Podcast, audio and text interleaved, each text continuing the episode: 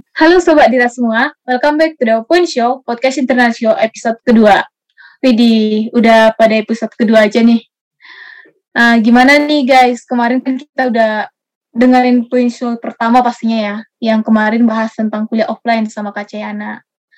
Sobat Dira pastinya penasaran dong sama podcast kita kali ini. Nah, di podcast kali ini akan ada aku, Yohana Wati Kurning, biasanya dipanggil Yohana, teman-teman untuk saat ke depan. Dan ada pada aku Iki. Uh, yuk Ki perkenalan dulu Ki. Uh, makasih ya yuk halo semuanya.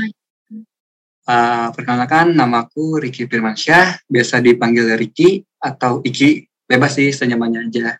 Nah ya aku manggilnya Iki aja ya biar lebih singkat boleh, gitu. boleh. nah jadi aku sama Iki sama-sama berasal tempat yang di mana kami masuknya tahun 2020 ya. Tahun 2020 dari awal kuliah online gitu, belum pernah sama iya. sekali ke kampus. sama nah, sekali belum kenal kampus ya, yuk. Iya, belum pernah, belum kenal, belum dek, belum pernah ke sana. Iya. Nah, uh, Ki, gimana nih Ki kabarnya Ki?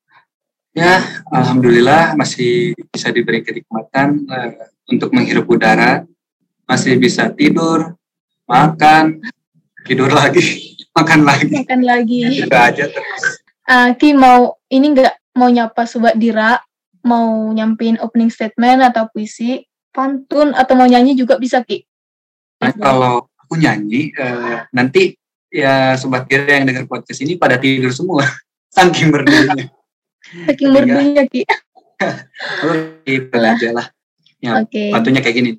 Pohon kelapa, pohon mangga, air kelapa gak ada duanya. Apa kabar sobat bira semuanya? Semoga di sana baik-baik aja. Kayak gitu. ya, uh, semoga semua keadaannya sehat semua ya. Selalu jaga kesehatan dan tetap ikuti protokol kesehatan.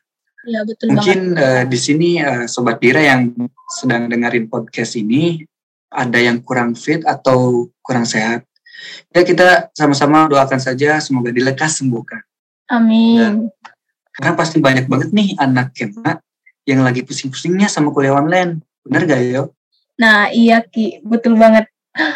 Apalagi kan ini udah mau berakhir semester genap ya kan? Iya. Pastinya ya, pada pusing, dilema sama nilai nilai aku gimana sih gitu. Mikirin IP nah, gitu. Pastinya pusing banget sih walaupun pusing kayak gini kita harus tetap semangat ya yo. Nah ya harus tetap semangat. Apalagi bentar lagi bakal libur ki. Libur. Iya. Betul banget. Kan bentar lagi libur. Uh, kita yeah. harus mengisi uh, akhir libur semester ini dengan hal-hal yang positif. Oh iya yeah, betul untuk ya. kamu sendiri uh, rencana libur semester sekarang mau ngapain aja nih? Uh, kalau aku sih kayaknya belum ada list ya, belum ada list liburan. Waduh. Soalnya uh, sekarang kan masih pandemi, uh, sarannya jangan ke mana-mana, di rumah aja gitu. Iya betul banget. Uh, iya, yang penting sih ngelakuin kegiatan yang bermanfaat, yang positif gitu. Betul. Tetap hashtag di rumah aja. Iya betul. Kalau aku yuk, kalau ditanya nanti uh, libur semester mau ngapain aja, kayaknya aku mau perbahan aja mungkin. Asik, beban. Jangan jadi beban keluarga ya. Iya. siap, siap. Oh iya, ya. memang topik yang akan kita bahas di uh, podcast episode 2 ini, topik kayak gimana sih? Menarik nggak sih? Wah, topiknya pastinya menarik dong, Ki. Kan kita selalu mengangkat topik yang menarik dan bermanfaat buat Sobat Dira. Nah, harus, harus. Iya. Jadi di topik topik yang akan kita bahas kali ini itu adalah kasih tahu nggak ya? Kasih tahu dong. Iya iya, kasih tahu kasih tahu.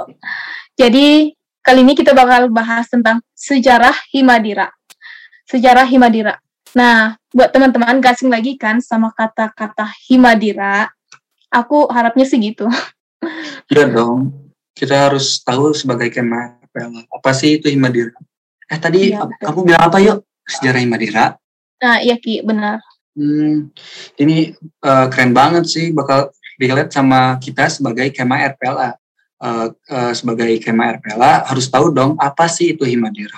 Dan setahu nih ya, Himadira itu singkatan dari Himpunan Mahasiswa D3 RPH, bukan sih?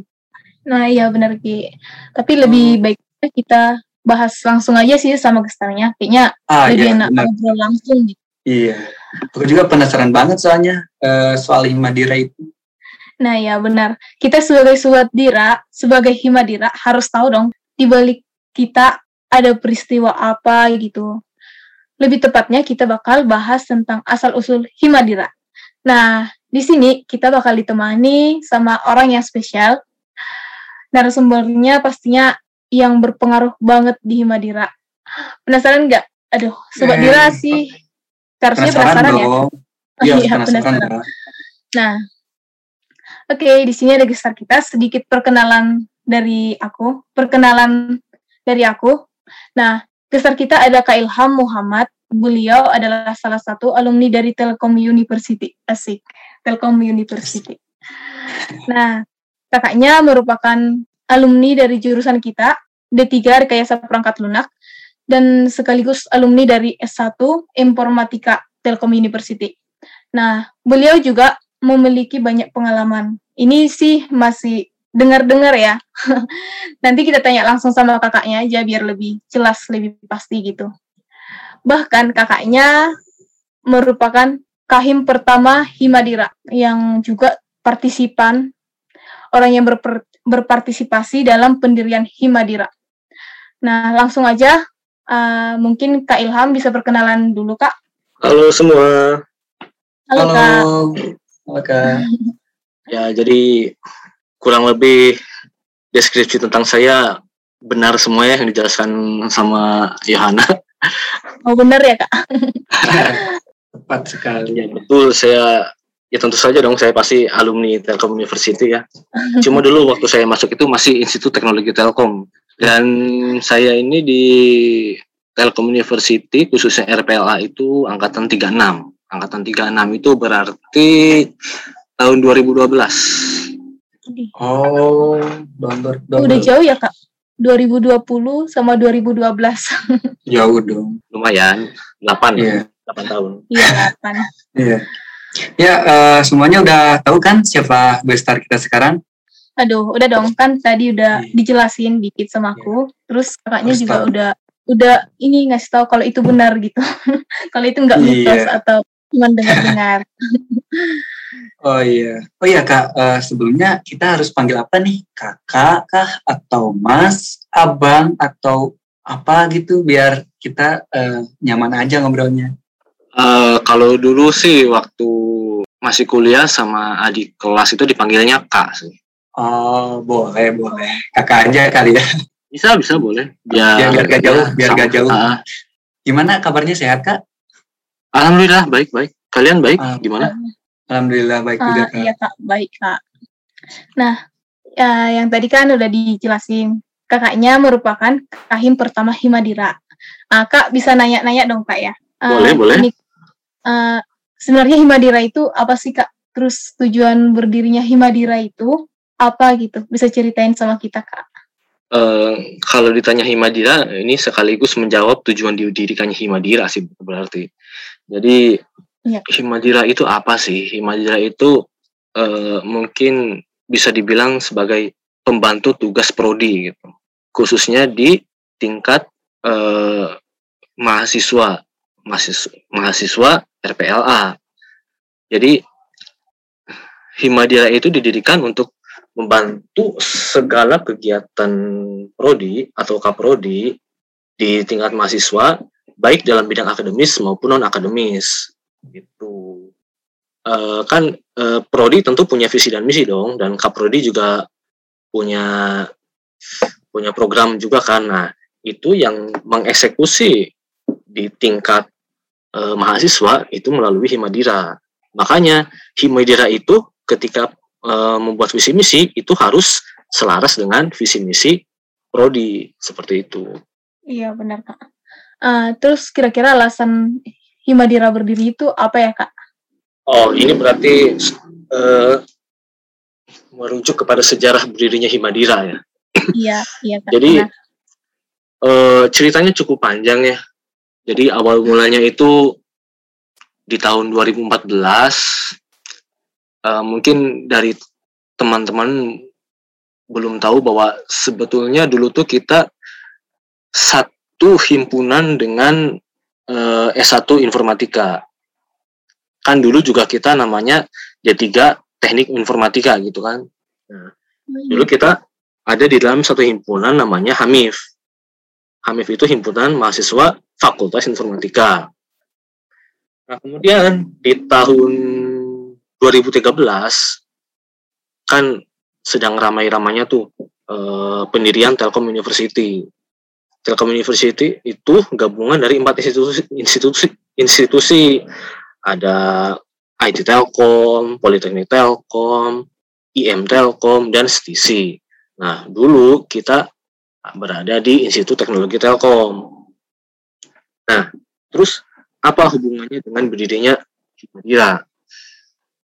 Nah, dengan adanya penggabungan empat institusi ini, eh, program studi yang serumpun dan juga jenjang pendidikan yang setara itu dikelompokkan. Nah, dulu kita kan ada di Fakultas Informatika, tapi jenjangnya beda nih, S1 dan D3. Nah, yang D3 ini kita itu dikelompokkan dengan sesama D3. Itu ada di Politeknik Telkom yang sekarang namanya Fakultas Ilmu Terapan. Nah, tapi kan pada saat itu uh, kita kan masih ada di satu himpunan nih. Gak mungkin dong kita beda fakultas, tapi uh, masih satu himpunan. Nah, maka dari itu berarti kita juga harus punya himpunan sendiri. Kita memisahkan diri dari Hamif, terus kita membentuk himpunan sendiri. Nah, uh, inisiatif inisiatif pembentukan himpunan uh, D3 RPA ini itu diinisiasi oleh teman saya namanya Fahrian Nur. Itu sama angkatan 36 juga. Mungkin nanti bisa dicari di IG-nya juga ada namanya Fahrian Nur. Itu atas inisiatif beliau seperti itu. Dan saya itu ya sebagai partisipan lah gitu, sebagai partisipan untuk mendirikan himpunan ini. Begitu. Uh, Kak, masih ingat gak Himadira berdiri tanggal berapa, tahun berapa? Wah, tentu ingat dong. Jadi Himadira itu dulu berdiri tanggal 14 Mei tahun 2014. Tepatnya di Gedung E atau sekarang tuh eh, Gedung E Fakultas Informatika atau sekarang tuh namanya Gedung Kultubai Utara di lantai dua. Ya. Iya kak. Itu di situ. Hmm. Nanti kalau Keren udah offline kita kita kenalan sama gedungnya juga. Iya, nama tilas lah ke sana nanti kapan-kapan. Oke, okay. uh, ini kan pendirian Himadira. Uh, pas mendirikan atau pas ada ide untuk mendirikan Fakultas Ilmu Terapan kan harus ada organisasi sendiri. Kemarin ada kontra nggak sama pendirian ini kak? Uh, kontra, kalau kontra jelas ada ya Uh, ini ke kontranya atau masalah yang dihadapi selama mendirikan Himadira? Soalnya ini sesuatu yang beda nih. kontranya Mungkin ada kontranya. yang nggak setuju gitu. Hmm. Oh iya iya. Maksudnya kontra dengan pendirian himpunan ini ya? Iya kak. Kalau kalau kalau mahasiswa yang kontra terhadap pembentukan himpunan ini tuh nggak ada. Tapi yang kontra dengan eh, proses dipindahkannya RPLA ke FIT itu sangat banyak, cukup banyak lah gitu. Hmm. Jadi sebenarnya kalau pendirian Himadirinya itu nggak ada nggak ada kontra sama sekali. Semua mendukung lah, alhamdulillah. Cuma ya itu sebelum sebelum uh, akhirnya Himadira ini didirikan, nah itu proses prosesnya itu ada cukup banyak konflik lah seperti itu hmm. termasuk saya gitu termasuk saya dan teman-teman saya yang kakaknya ikut ya kira-kira apa kak yang dikhawatirin uh, jadi kan dulu uh, kita kan dulu sebelum di FIT kan berada di uh, di bawah institusi Institut Teknologi Telkom kan nah hmm. hmm. setelah adanya wacana merger empat institusi tersebut D3 RPLA kan berarti dipindahkan ke uh, eh, FIT dulu tuh namanya Politeknik Telkom. Ya secara kasarnya begini. Kita masuk sebagai mahasiswa di situ teknologi Telkom. Tapi kok lulus sebagai mahasiswa Politeknik Telkom? Itu itu yang menjadi keresahan uh, mahasiswa angkatan saya waktu itu seperti itu. Karena dari situ tuh uh, timbul banyak pertanyaan gitu.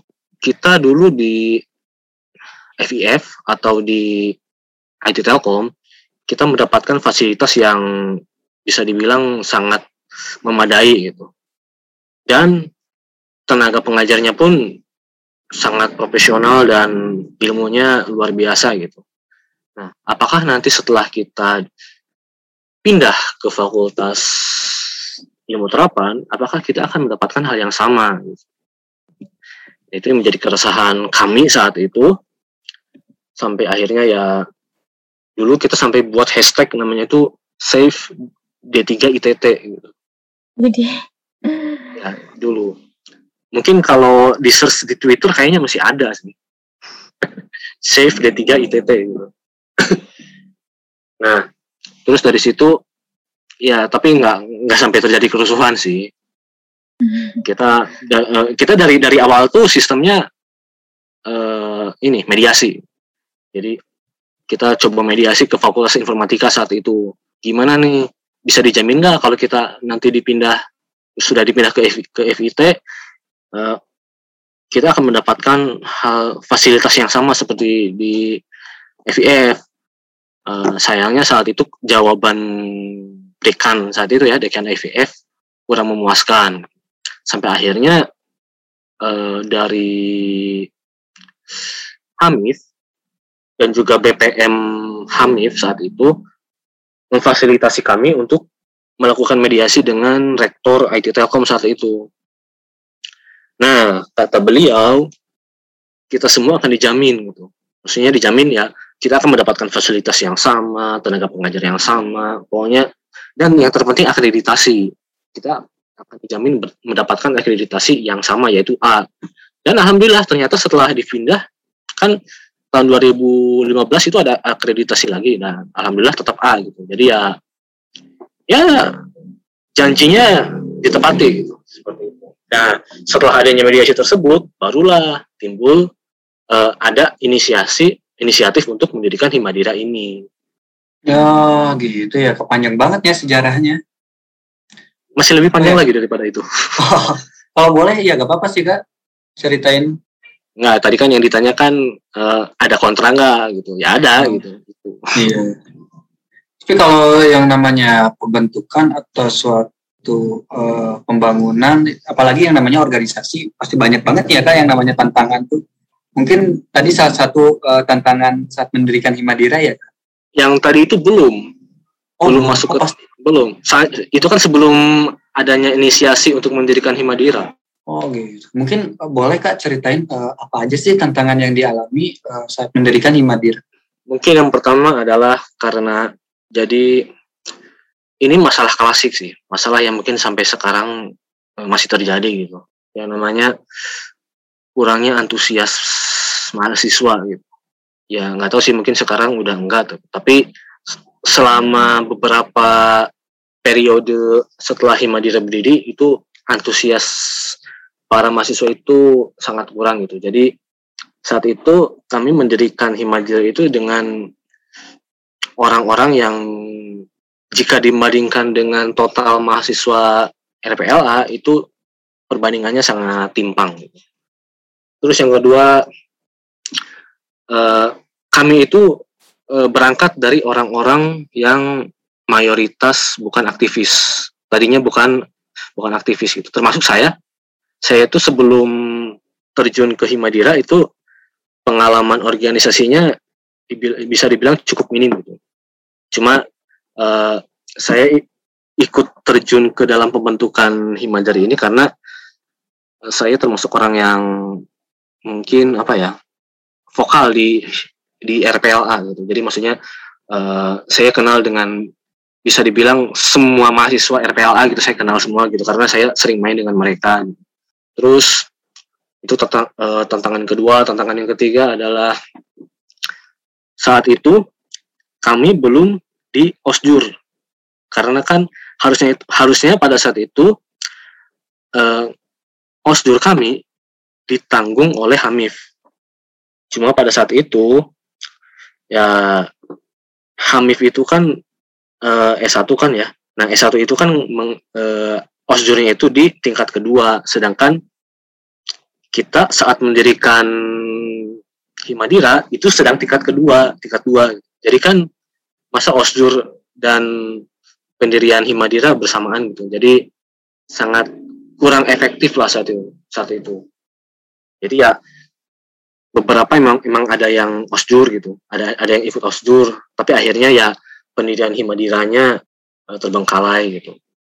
Terus juga uh, dari Kaprodi itu mengamanahkan hanya kepada angkatan 36 waktu tahun 2000 waktu tahun 2014 itu kan sebenarnya ada ada tiga angkatan tuh 2015 angkatan 2011 2013 eh angkatan 2011 2012 dan 2013 nah cuma dari Kaprodi itu hanya meminta tolong kepada angkatan tiga angkatan 2012 untuk pendirian Himajira ini. Akhirnya apa? Akhirnya yang angkatan 2011 itu merasa dilangkahi. Akhirnya sempat ada konflik dengan mereka gitu ibaratnya mereka menganggap kami angkat angkatan 2012 lancang gitu. Kok bisa bisanya eh, kami yang ibaratnya lebih lebih dulu di sini kami yang lebih paham dengan kondisi RPLA kok kami tidak dilibatkan gitu. Nah itu sebenarnya hanya hanya masalah komunikasi aja sih. Kami tidak tidak mencapaikan kepada angkatan 2011 bahwa ini tuh amanah dari Kaprodi gitu tapi setelah adanya komunikasi ya alhamdulillah gitu mereka mengerti gitu. Jadi oh, oke okay lah silakan. Angkatan 2012 melanjutkan proses pendirian Himadira ini. Nah terus juga dengan angkatan 2013 angkatan 2013 ini sebenarnya bukan bukan konflik sih tapi lebih kepada eh, angkatan 2013 ini nggak ada yang mengurus. Harusnya eh, tahun tersebut angkatan angkatan 2013 itu di ospek. Ospek jurusan ya. Uh, mungkin sekarang namanya apa ya? Uh, kalau dulu namanya masih osjur dulu. Nah cuma kan saat itu berarti si angkatan 2013 ini nggak ada nggak ada yang menaungi gitu. Jadi uh, ya akhirnya kita kehilangan kehilangan masa dari angkatan 2013 seperti itu.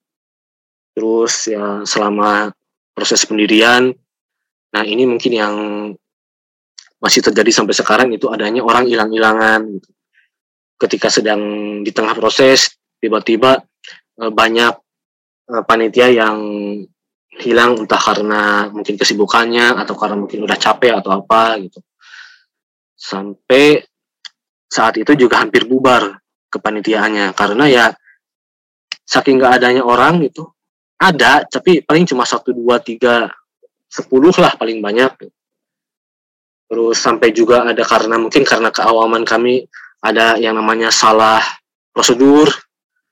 Terus dan yang terakhir itu ya setelah setelah Madira berdiri ternyata konflik nggak selesai sampai di situ. Ternyata konflik malah ada di tempat yang baru gitu. Itu banyaklah konflik yang kalau diceritain mungkin nggak akan cukup waktunya. Seperti itu. Oh iya. Emang benar ya kak. Banyak banget tantangannya. Jadi uh, selama apa ya pembenaran untuk uh, masalah-masalah itu berapa lama sih? Atau berapa lama untuk uh, menyelesaikannya sampai benar-benar uh, Himadira itu lancar kak? Kira-kira makan waktu berapa bulan atau berapa tahun gitu? Mungkin bisa lebih dispesifikasiin. Alhamdulillahnya sebagian besar masalah itu bisa diselesaikan dalam hitungan hari itu. Yaitu dengan misalnya yang konflik dengan angkatan 2011 itu kebetulan ya eh, kami panitia itu sangat dekat gitu dengan dengan tokoh di angkatan 2011 jadi ya cuma kita ngobrol aja dua jam gitu udah selesai. Terus yang masalah orang hilang-hilangan nah ini saya dapat nasihat dari uh, senior gitu dari kakak tingkat itu jadi dia bilang prinsipnya gini lebih baik kalian jalan dengan orang seadanya dengan orang yang ada dengan tenaga yang ada. Daripada kalian menunggu semua orang terkumpul akhirnya nggak jalan-jalan. Lebih baik jalan dengan e, tenaga yang ada. Ya alhamdulillah gitu.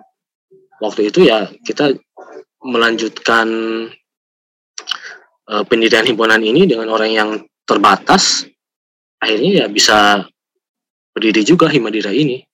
Terus yang dengan ya dengan konflik dengan angkatan 37 ya kan waktu itu kan isunya adalah kita seolah-olah melepas angkatan 37 gitu. Kita tidak mengurus angkatan 37. Di semester berikutnya kan Himadiri itu kan berdiri di semester genap. Begitu masuk semester ganjil, kita langsung e, ngadain osjur untuk mereka. Jadi ya bisa dibilang prosesnya cukup cepat karena ya saat itu kita juga dikejar timeline gitu. Jadi ya, ya memang tanggung jawab kita gitu kita harus menyelesaikan ini sesegera mungkin. Dengan tenaga, dengan jumlah tenaga yang terbatas. Daripada itu daripada kita nunggu-nunggu akhirnya nggak jalan ya udah jalan seadanya aja. Maksudnya jalan dengan tenaga seadanya bukan bukan seadanya ya. Seadanya mah nanti malah kerjanya uh, kurang maksimal gitu seperti itu. Oh gitu ya kak. Alhamdulillah ya uh, angkatan kakak bisa uh, nangani permasalahannya dengan tepat dan cepat. Oke kak, uh, mau nanya nih, uh, kira-kira kenapa ya kak Ilham bisa jadi ketua Himadira pertama? Uh, mungkin kalau dia dan pemilu kayaknya nggak sempat ya kan. Uh, terus kakak kan nggak mungkin bisa kerja sendiri, pastinya ada pengurus lainnya, mungkin wakil atau sekretaris, dan staf-staf lainnya. Uh, kemarin itu ditentukan melalui apa gitu? Oke, jadi awal mulanya kok bisa saya jadi kahim pertama gitu ya?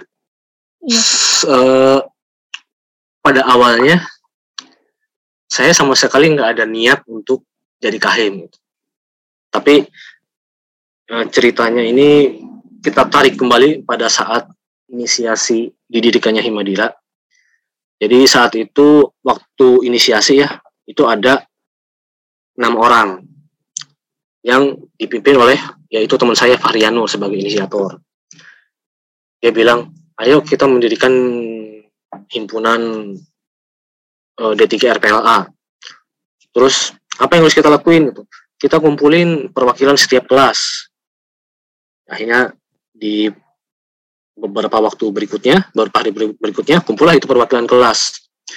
Nah, pada saat itu, setelah terkumpul beberapa perwakilan kelas, waktu itu ada 20 orang kalau nggak salah. Nah, di situ ditunjuk eh, ketua panitia khusus pendirian Himadira, Himpunan Mahasiswa D3 RPLA. Jadi milih ini dulu, milih milih ketua panitia dulu, ketua tim lah tim di pendirian gitu. Itu ditunjuk sistemnya. Jadi uh, ya nggak tahu ya kenapa teman-teman saya nunjuk saya gitu sebagai ketua pendirian himpunan ketua pendirian Himadira. Padahal waktu itu saya termasuk orang yang ibaratnya masih belum bisa menerima bahwa D3 RPLA ini akan dipindahkan ke FIT gitu. Padahal saat itu saya lagi lagi nyaman-nyamannya gitu di SVF gitu. tapi ya ya udah namanya diper namanya dipercaya oleh teman-teman gitu ya. Jadi oke okay lah saya jalanin gitu. Saya jalanin terus sampai akhirnya eh, menjelang Himadira berdiri eh sampai akhirnya Himadira berdiri kan Himadira itu berdiri tanggal 14 Mei ya. Itu tuh BPM dulu yang berdiri. BPM berdiri eh, kepanitiaan dibubarkan karena kan uh, tugas panitia, tugas panitia, panitia pendirian saat itu berarti udah selesai. Selanjutnya itu tanggung jawabnya BPM. Nah, ketika panit uh, ketika BPM yang sudah ketika sudah BPM yang mengambil alih, nah BPM kan tugas berikutnya adalah mencari uh, calon kahim Himadira, kahim pertama. Nah, waktu itu belum ada tuh, belum ada belum ada yang mau gitu atau belum ada yang kelihatan sih sebenarnya. Belum ada belum ada kelihatan yang mau untuk jadi kahim gitu. Terus ya waktu waktu itu saya mikir gitu. Kalau saya cuma berhenti sampai di sini sampai pembu sampai panitia ini dibubarkan kok saya ngerasa pekerjaan saya belum selesai gitu. Ibaratnya saya mendirikan himpunan ini terus habis itu kok udah saya tinggalin aja gitu. Jadi dari situ tergerak kayaknya saya harus melanjutkan ini gitu. Caranya gimana? Caranya ya saya coba mencalonkan diri gitu jadi jadi ketua gitu. Akhirnya ya ya itu saya jadi saya jadi salah satu calon ketua dari tot dari jumlah dari total tiga orang jadi waktu pertama pemilihan ketua, itu ada tiga orang. Tapi yang satu gugur karena masalah administrasi akhirnya tersisa dua orang. Waktu itu saya saya dan satu lagi itu teman saya namanya Mahendra Dwi Febri. Mungkin teman-teman ada yang kenal mungkin soalnya beliau jadi jadi dosen juga kalau nggak salah sekarang. Sudah jadi dosen beliau di nggak tahu di FIF nggak tahu di FIT kayaknya di FIF dan ya sama seperti sekarang gitu. Dulu pemilihan ketuanya melalui mubes. Dan akhirnya saya terpilih melalui melalui mubes itu. Seperti itu. Bahkan bahkan ada ada cerita mungkin ada cerita lucu juga ya. Jadi waktu itu sebelum sebelum akhirnya Himadira berdiri sebelum Himadira berdiri mungkin karena kurangnya pengalaman ya kita sudah men, kita sudah melakukan sayembara untuk uh, ketua Himadira Padahal waktu itu uh, ada ART belum selesai nih, ada ART belum jadi. Terus uh, kita masih di bawah Hamif. Terus BPM juga belum ada, belum belum berdiri gitu. Tapi kok kita sudah melakukan sayembara gitu. Sayembara uh, calon ketua. Nah, waktu itu sudah udah ada tuh tiga calon ketua. Uh, nah, sempat malah sempat uh, sampai ke tahap mubes pemilihan ketua tiga tiga orang itu tuh udah udah ada di mubes gitu. nah saat mubes pemilihan ketua tersebut itu ada uh, kakak tingkat angkatan 2011 dua orang beliau bilang ini kalau misalnya ketuanya terpilih itu nggak sah kenapa nggak sah soalnya ada ART-nya belum sah jadi yang menjadi dasar hukum uh, orang ini terpilih jadi ketua itu apa gitu. Sedangkan ADART aja belum sah dan bahkan kita aja masih ada di bawah Hamif. Berarti kan sama aja nanti ada dua pemimpin dalam satu uh, organisasi. Akhirnya karena itu cacat gitu ya. Akhirnya mubes saat itu itu dibatalkan digantikan dengan mubes membahas ADRT gitu. Seperti itu. Dan ketiga ketiga calon ketiga orang ini nih, ketiga orang yang pertama pertama mencalonkan diri itu di di pemilihan ketua berikutnya itu nggak ada yang nyalon sama sekali. Ya karena karena alasan masing-masing sih. Yang satu karena ada fokus dengan lab, terus ada fokus dengan apa namanya organisasi lainnya gitu dan ya itu tiga orang yang mencalonkan diri jadi ketua itu malah di pemilihan ketua yang sebenarnya nggak ada yang maju lagi gitu. Oh, nggak uh, sim simpel juga ya pemilihan ketua aja seribetin tapi ya alhamdulillahnya terlaksana ya kan nah ini ada uh, titipan pertanyaan dari Kahim 2020. Untuk pertanyaannya kayak gini kak. Sebagai Kahim Himadira yang pertama, pasti tantangannya banyak. Gimana nih proses berpikir ketua himpunan untuk menyelesaikan setiap tantangan yang muncul? Mungkin kak uh, bisa dijawab. Oke. Hmm. Jadi uh, uh, karena dulu kan waktu saya menjabat sebagai ketua itu dalam kondisi saya masih termasuk orang yang awam awam terhadap uh, ke, kepengurusan kepengurusan organisasi apalagi uh, organisasi setingkat himpunan itu bisa dibilang cukup besar gitu. Jadi langkah pertama yang dulu saya lakukan itu saya yaitu tanya kepada yang lebih berpengalaman gitu. Bahkan saya bahkan jangan malu-malu tanya kepada uh, staff yang mungkin sebenarnya mereka punya pengalaman lebih banyak gitu di mungkin mereka dulunya di SMA pernah jadi osis gitu osis atau apa atau apa gitu. Ya jangan malu-malu tanya sama staff gitu. Itu nggak ada salahnya gitu. Cuma nanti pada saat mengambil keputusan tetap ada di ketua gitu terus yang kedua itu nah itu seperti yang tadi waktu menyelesaikan konflik saat pendirian himpunan ya.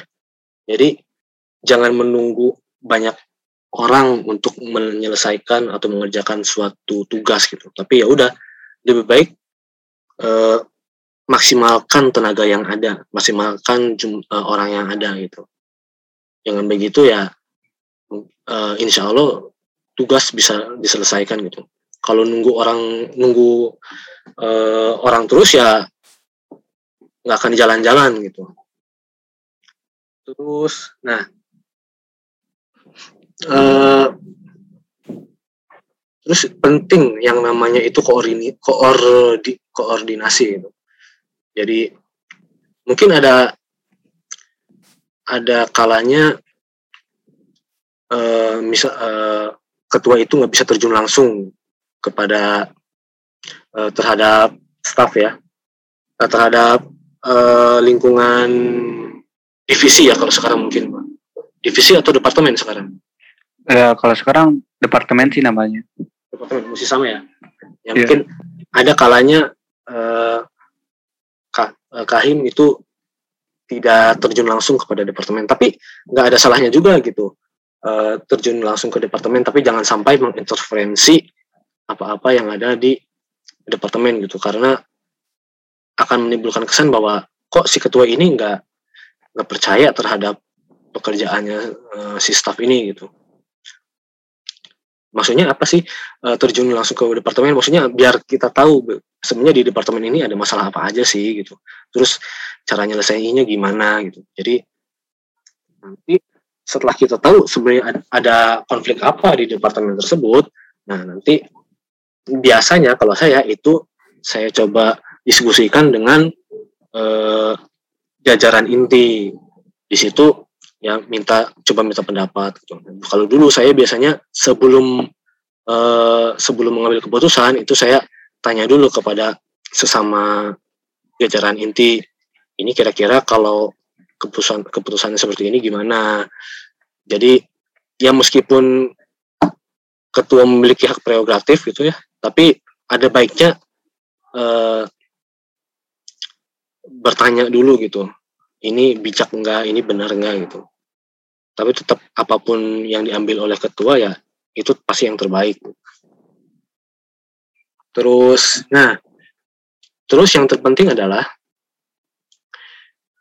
selalu konsultasi kepada kaprodi karena ya itu jangan sampai nanti uh, keputusan yang kita ambil itu ternyata bertentangan dengan uh, visi misi prodi gitu. Dan karena ya di sisi lain juga uh, misalnya ketika ada kendala gitu kendala yang oleh him, himpunan itu tidak bisa tidak bisa diselesaikan gitu pada akhirnya nanti prodi pun akan turun tangan entah bagaimana caranya gitu biasa ya kalau dulu sih uh, dengan begitu prodi sangat membantu dalam menyelesaikan masalah masalah-masalah yang ada di uh, mahasiswa kemahasiswaan seperti itu. Oh, hmm, gitu ya kak. Gitu. Intinya harus ini ya harus musyawarah sama iya. teman-teman sama kak prodi juga. Iya, musyawarah itu sangat penting. Komunikasi, koordinasi sangat penting. Nah, kak, uh, ini ada pertanyaan titipan lagi dari orang yang sama, Kahim 2020. Uh, pertanyaannya gini, uh, gimana sih cara menjalin hubungan yang baik atau tali silaturahmi dengan kakak alumni? Mungkin kalau kalau kalian join grup WhatsApp-nya ya, itu sebenarnya di sana tuh orang-orangnya nyantai semua gitu. Jadi karena mumpung ya, mumpung umur kita belum terpaut terlalu jauh gitu. Jadi sebenarnya e, perlu segan-segan. Justru alumni itu senang gitu ketika kalian cari. Bahkan e, yaitu teman saya gitu ya selalu tanya terus, selalu tanya ke saya gitu. Ini mana kok nggak ada nggak ada yang nyariin istilahnya gitu. Gimana kabarnya e, himpunan gitu. Soalnya kan e, waktu itu kan saya saya yang satu-satunya yang masih stay di Bandung gitu. Uh, terus kalau misalnya, nah salah satu contohnya itu dengan begini, dengan ketika ada ada broker gitu ya, atau ada event gitu, butuh narasumber, yaitu silakan uh, memin uh, apa namanya minta tolong ke alumni. Itu tuh alumni sebenarnya seneng banget gitu ketika kalian mintain tolong. Karena dengan begitu alumni itu merasa dianggap. Seperti itu. Terus uh, terus kalau dengan misalnya dengan alumni alumni yang di atasnya angkatan 2012 ya. Ya mungkin karena mereka tidak tidak apa namanya tidak mengalami tidak mengalami adanya himadira ya jadi komunikasi dengan mereka ya caranya sama kayak kalian komunikasi dengan dosen maksudnya gimana maksudnya itu ketika dengan alumni yang 2012 ke bawah kenapa uh, kalian bisa lebih santai gitu karena ya mereka itu mengalami proses uh, berdirinya Himadira gitu. Sebenarnya bisa dibilang dari dua, dari 2014 mas, uh, dari dari Himadira berdiri itu kan angkatan 2012 tuh. Dari angkatan 2012 sampai sekarang Himadira tuh masih dalam proses uh, proses untuk menjadi lebih dewa, lebih dewasa gitu. Masih proses sebenarnya masih proses untuk berdiri gitu. Berdiri menjadi himpunan yang yang benar-benar matang gitu. Jadi mereka itu sebenarnya uh, masih merasakan itu. Jadi mereka masih beberapa di antara mereka tentunya uh, sangat care terhadap Himadira. Jadi banyak sebenarnya kalau kalau kalian ngobrol gitu di grup alumni ya santai aja sebenarnya nggak perlu segan-segan toh juga umurnya tidak terpaut terlalu jauh gitu. makanya iya. uh, terus juga titipan dari alumni ya itu sering-seringlah kalian uh, menghubungi alumni, maksudnya menghubungi ya gitu. Ini ketika ada event begini, misalnya ada event besar, gitu, ada event gede, ya undanglah alumni salah eh, nggak uh, usah nggak usah semuanya, bisa perwakilan gitu. Itu tuh dengan begitu nanti ikatan dengan alumni itu bisa menjadi lebih kuat. Gitu. iya betul kak. Contohnya kayak gini kan kita ngundang sebagai guestar di acara yeah, yeah. ini. Betul kan ya? Cocok ya kak? cocok cocok. Malah nih, malah meskipun meskipun nih meskipun uh, ini kan uh, dalam podcast ini kan saya doang nih yang yang diundang. Itu yeah. tuh satu angkatan itu bisa seneng gitu, bisa ngerasa seneng oh, karena alhamdulillah. Oh ternyata angkatan 2012 ini diang masih dianggap sebetulnya. iya betul ya. Dan karena emang uh, cuma kakak aja orang yang cocok untuk uh, membawa topik ini. ya nanti oh, ya, ketika uh, topik-topik lainnya bisa menghubungi yang lain. Oh iya siap pasti. Kita masih butuh alumni-alumni untuk uh, ngebawain topik-topik yang akan kita bahas ke depannya. Oh ya kak, ini banyak banget nih uh, pertanyaan yang udah kita tanyain ke Kak Ilham. Mungkin uh, ada salam atau nasihat uh, atau atau apa pun itu untuk junior-junior kakak yang sedang dengerin podcast kita uh, kali ini. Mungkin kak bisa ngasih apa kayak gitu untuk uh, para pendengar podcast ini? Uh, uh, khususnya untuk uh, para pengurus Simadira ya, baik itu uh. Ah. BPH maupun BPM gitu. Uh, boleh, kak boleh. Pertama, apa yang kalian uh, tugas yang kalian kerjakan itu harus selalu kembali kepada tujuan Himadira ini Himadira ini didirikan. Apa apa sih tujuan Himadira itu didirikan? Ya, tadi seperti yang saya sebutkan bahwa Himadira ini didirikan untuk membantu tugas prodi di tingkat kemahasiswaan. Baik itu bidang akademis maupun non akademis. Makanya ini sangat penting bahwa komunikasi kepada kaprodi atau dosen-dosen RPLA pada umumnya ya itu sangat penting. Jangan sampai uh, jangan sampai seolah-olah kalian uh, menjalankan himpunan ini uh, semuanya sendiri ini tuh harus selalu dalam pantauan uh, kaprodi khususnya ya ya. Terus uh, yang kedua bahwa komunikasi dengan alumni jangan sampai terputus.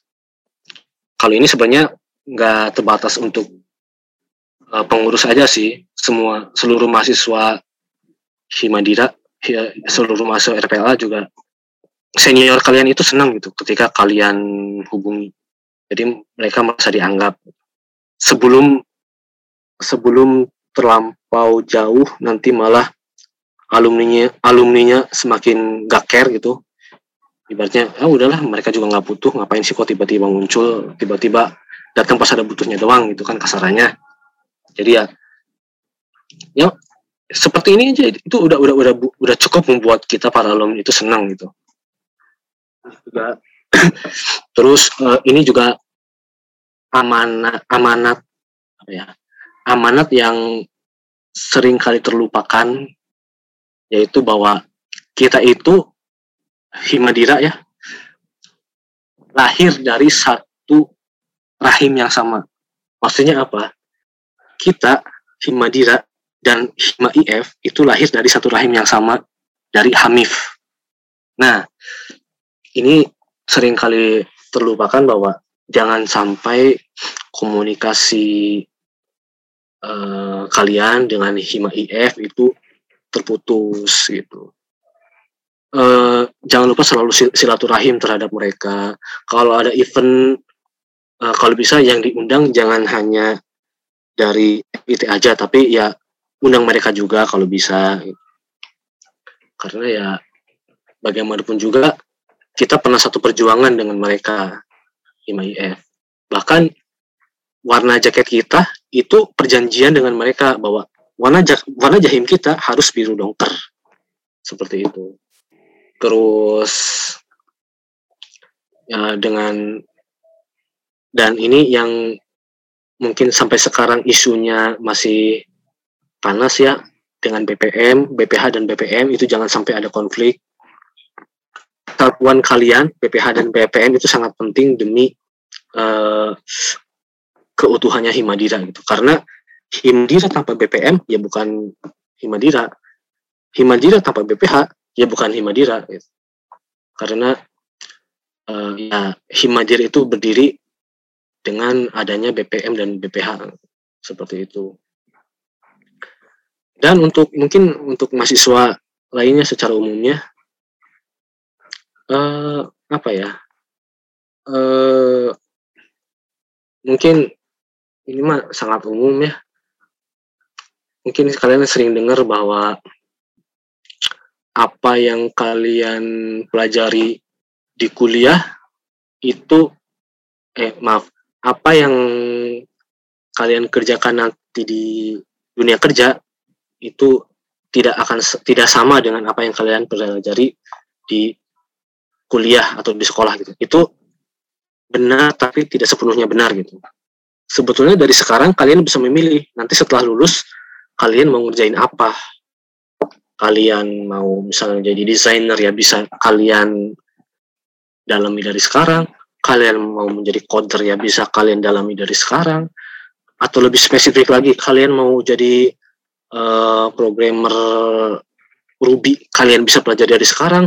Nanti saat kerja kalian tinggal cari lowongan pekerjaan yang khusus bahasa Ruby. Jadi ya apa pun yang kalian kerjakan sekarang nanti di dunia kerja masih bisa kalian usahakan untuk tetap ada di sana. Tinggal keseriusan kalian aja dimulai dari sekarang seperti apa. Begitu. Wah ini sangat penting dari saran, nasihat, amanat yang udah disampaikan sama Kak Ilham. Ya, terima kasih banyak Kak. Kita akan uh, terima dan kita, insya Allah kita implementasikan dan kita jalankan Kak. Terima kasih banyak Kak. Ya, gak kerasa banget sih. Uh, udah lumayan lama kita ngobrolnya ya. Gimana Sobat Tira? Udah pada tahu kan uh, gimana asal-usul Himadira itu? Mungkin uh, masih ada pertanyaan-pertanyaan yang belum sempat kita uh, tanyakan sama kakaknya. Tapi ya karena durasi, uh, tentunya kita udahin aja mungkin ya. Ya, uh, uh, tapi tenang untuk teman-teman yang mungkin masih punya pertanyaan yang beda dari kita, uh, yang tentunya belum kejawab sama uh, yang kita udah obrolin sebelumnya, mungkin bisa uh, melalui chat atau DM nih sama uh, Kak Ilham untuk ngasih IG-nya Kak. Jadi uh, untuk Sobat Tira mungkin yang pengen nanya atau masih penasaran gitu soal Himadira mungkin bisa langsung DM ke Kak. Untuk IG-nya mungkin bisa disebutin Kak, nanti bisa di-follow-follow. Uh, oh iya. Uh, IG saya ini ya uh, Ilham double M Aziz 27. Uh, mungkin bisa diulang Kak biar nanti Ilham, langsung ingat nih. Ilham double M Aziz 27. Duh, ingat tuh Sobat Tira untuk follow IG Kak Ilham yang tadi udah disebutin. Ya, uh, terima kasih banyak Kak untuk waktunya udah bisa uh, nemenin kita, udah bisa mau bareng di podcast kita yaitu Point Show untuk berbagi banyak hal yang tentunya saya sendiri uh, masih uh, belum tahu tapi eh, setelah kita ngobrol banyak ini jadi tahu banyak tahu gitu. Ya terima kasih banyak kak untuk uh, bisa berpartisipasi di acara podcast ini. Terima kasih banyak kak. Oke terima kasih juga semuanya. Ya. terima kasih kak. Ya nih sebelum kita masuk ke penghujung acara kita dapat uh, salam-salam nih dari sobat Tira yang nitip salam Jadi. ke kita Uh, mau kepo gak yuk kamu yuk? Iya, penasaran banget sih.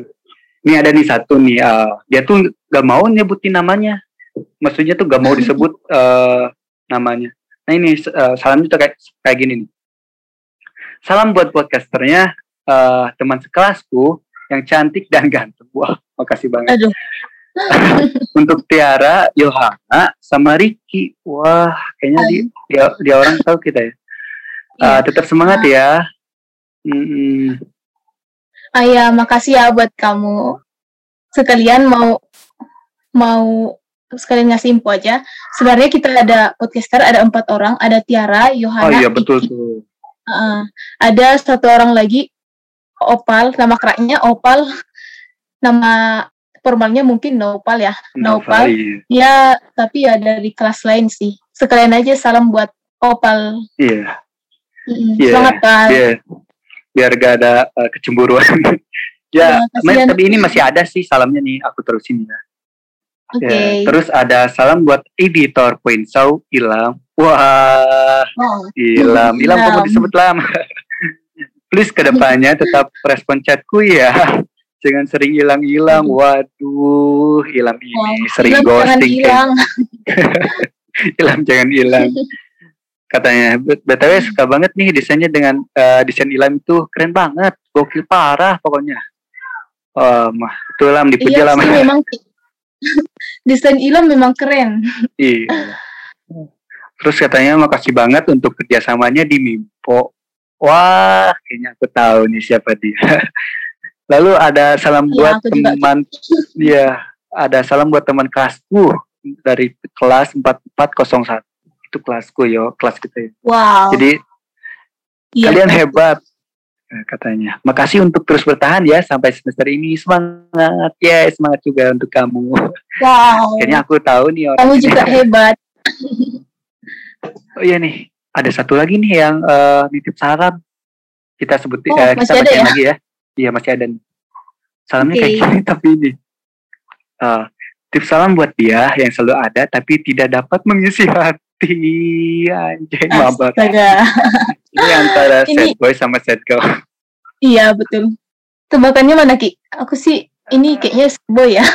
Iya, kayaknya aku tahu nih orang siapa nih. Mungkin uh, seorang pria yang uh, cintanya bertepuk sebelah tangan bernasib malam tak apa-apalah untuk kamu uh, tetap semangat ya selalu ada dia kok tapi dianya sama yang lain iya ya guys tetap semangat lah iya betul. Ya, Iki uh, set boy. gimana? Iki uh, set boy ya. Aku sih bad boy. Aduh, aku, aku tuh sad boy yang tersembunyi. Iya ya tersembunyi. Ya nih uh, untuk semuanya kita ucapkan terima kasih ya. Untuk pantengin Point Show yang akan hadir dengan topik-topik menarik lainnya. Yang nantinya kalian bisa dengar semua uh, episode podcast kita di Spotify kami, yaitu Point Show atau Podcast Internal Show. Pokoknya cari aja ya. Ya di sana uh, terdapat podcast episode sebelumnya yang kalian bisa dengarkan. Dan jangan lupa follow Instagram Himadira. Ingat ya, Instagram eh Instagram Himadira Official uh, agar tidak ketinggalan dengan informasi terupdate dari kita. Nah, iya betul banget tuh. Uh, buat teman-teman, jangan lupa biar tetap pantangin kita, Show, dan pantangin kegiatan-kegiatan Himadira yang pastinya hadir menarik dan bermanfaat. Buat teman-teman yang mau sharing atau mau berbagi, bisa banget nih, Himadira jadi wadahnya. Bisa menyalurkannya melalui yang pertama, podcast atau point show, yang di mana teman-teman bisa seperti tadi nitip salam atau mau curhat atau mau berbagi pengalaman yang unik yang mau dibagikan sama teman-teman. Dan yang kedua ada Himadira menulis. Himadira menulis adalah uh, wadah untuk teman-teman bisa sharing sekalian mengembangkan bakat berupa tulisan, berupa karya tulisan. Nah, teman-teman bisa langsung cek di Instagram Himadira Official.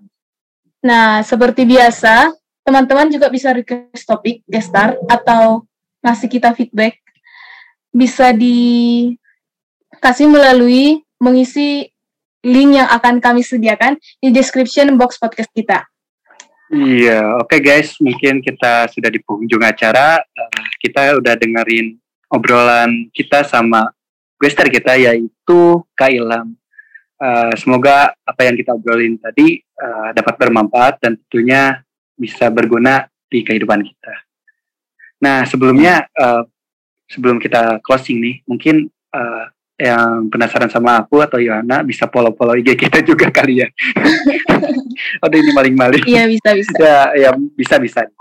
Mungkin ya kamu punya IG yang bisa dipromosi. Iya punya. Aku duluan nih. Uh, Oke. Okay. Buat teman-teman yang yang mau aja sih. Bisa follow yes. Iya Instagram aku Yohana underscore R GRNG. Yohana yeah. underscore GRNG. Catat tuh, catat. Sama IG aku mungkin boleh uh, kalian follow. Tujuh kalau mau sih. Ini ya nama IG-nya tuh Rifki underscore Firmansyah 404. Ya itu terserah mau di follow atau enggak. Sama ini jangan lupa uh, sama IG Kailham tadi. Jangan lupa ya untuk di follow. Iya. Ya, uh, ini mungkin udah aja ya kali ya yuk. Uh, semoga iya, semuanya sehat selalu, tetap jaga kesehatan. See you di episode berikutnya. Di semua pantangin kita terus ya. Hanya di Point Show, podcast internal. So, sekian terima kasih. Assalamualaikum warahmatullahi wabarakatuh.